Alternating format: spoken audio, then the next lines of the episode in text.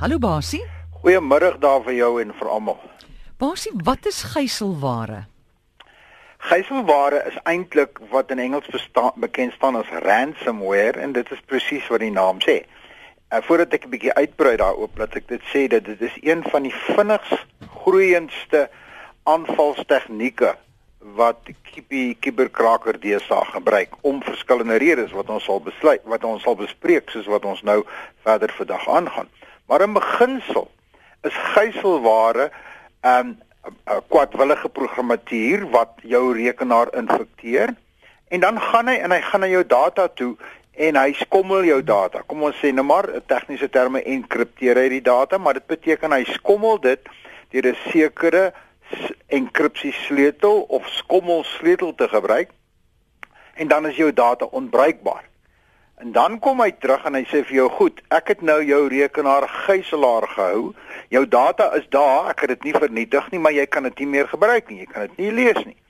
Ek gaan dit alleen vir jou teruggee. Ek sal dit dus vir jou herskommel. Ek sal die skommel sleutel of die dekripsie uh sleutel sal ek gebruik om die data weer vir jou skoon te maak, bruikbaar te maak, maar dan moet jy my betaal 'n losprysbedrag.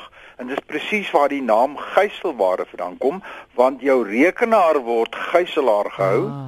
en jy moet 'n losprys betaal in een of ander tipe geldeenheid om jou data terug te kry. En weet jy, ek het die afgelope week of twee hoeveel maatskappytjies gekry, veral kleiner maatskappye, wat vir my sê, hoorie, my kliënte database ek is gegijsel. Die ouens wil nou soveel duisende dollars of ek sal net ook praat ook oor die sogenaamde elektroniese geld ene van my hê. En as ek dit nie betaal nie, kan ek nie my data terugkry nie. Nou kan jy jou indink. Dit gebeur nou oor die naweek, môreoggend moet jy begin. Jy het miskien, kom ons sê jy het 'n mediese spreekkamer. Ja. Môreoggend begin jou pasiënte kom ja. en jy vind uit maar my data is geënkripteer. Ek is 'n gijslaer jy jy's die mense ek sê vir jou die mense wat my skakel is is is paniekbevange. En ek kan dit verstaan uh, want jy kan nie die data terugkry nie. Jy kan nie die geld betaal nie want dit is baie baie groot bedrag geld wat hulle het. En hulle het jou nou net daar weet en daar sit jy. Die gevaar is natuurlik uh, dit gaan oor die hele kwessie van infeksie van jou rekenaar maar daar's in beginsel twee maniere om daar verby te kom eerste manier is om die losprysbedrag te betaal. Mm. En die risiko is natuurlik dat jy al betaal jy vir Kippie Kiberkraker, dan gaan hy net sê, "Oké, baie dankie vir die geld, maar uh, ek gaan jou môre net nog 'n bedrag vra en ek gaan jou nog 'n bedrag vra. Ek gaan nie vir jou die die uh skommelsleutel terug gee nie. Ek gaan nie vir jou data gee nie." So wat kan ek en jy doen? En dit is die wenk. Ek dink dit is die groot wenk wat jy moet onthou, elkeen van ons. Sorg dat jou data gereeld gerigsteen word. Want as hierdie kiepie nou vir jou sê betaal vir my soveel rand, dan sê vir 'n man gaan in jou dinges in, uh, ek gaan net terug na my rigsteen data toe, vat al daai skommeldata, ek vee dit skoon en ek laai my data terug. Sê gou vinnig vir my basie kan mens 'n antivirus sagteware koop om dit te voorkom dalk? Dit is deel van algemene jou jou algemene antivirus programmatuur behoort dit te onderskep. Maar onthou ons het verskeie kere gesê, hierdie kiberkrakers is so gesofistikeerd en dit is bewys, dit is dit is bewys deur navorsing dat die algemene antivirusprogramme ondervang net eenvoudig nie meer die kwadwillige programmatuur nie. Jou rekenaar al het jy die mees opgedateerde antivirusprogram en ek weet dis skokkende goed om dit te sê, maar dit is bewys dat die mees opgedateerde antivirusprogram gaan van hierdie kwadwillige programme deur deurlaat en hy gaan gijselware deurlaat maak 'n boek daarvan. Basie, ons het vir Marius op die lyn uit vir ons 'n vraag. Hallo Marius. Haai Marie. Praat maar. Sê Basie. Yes, hallo daar. Ehm um, uh ja, ek het 'n 'n vinnige vraag ja, uh aangaande kuberkrakery.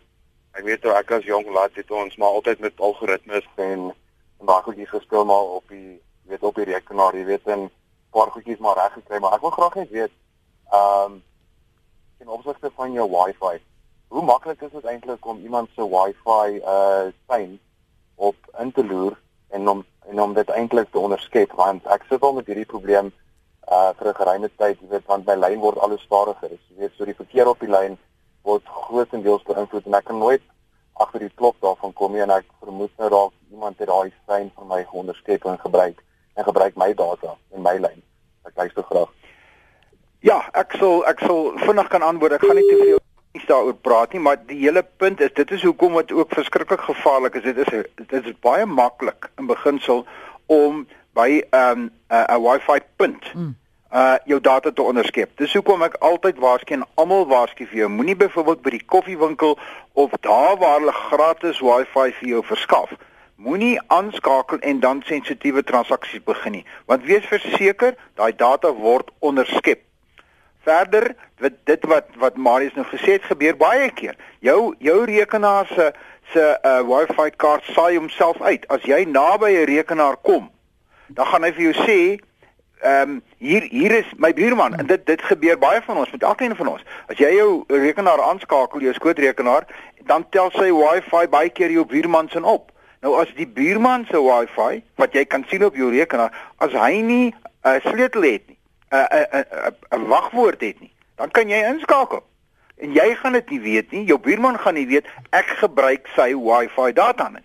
So, maak seker dat jy jou Wi-Fi data, jou Wi-Fi aanskakel prosedure beskerm met 'n wagwoord. Daar's hoeveel oop Wi-Fi stelsels wat ek en jy gebruik ry maar met jou rekenaar in 'n straat af en kyk watter Wi-Fi netwerke word wat tel jy op. En, ja. en dan dui hy vir jou aan hierdie een is is het het 'n sleutel op so jy het 'n wagwoord nodig op hierdie een is oop. En as hy oop is dan kan jy rustig aanskakel en jy kan daai data gebruik en jy gaan dit nie en jy gaan dit nie agterkom nie.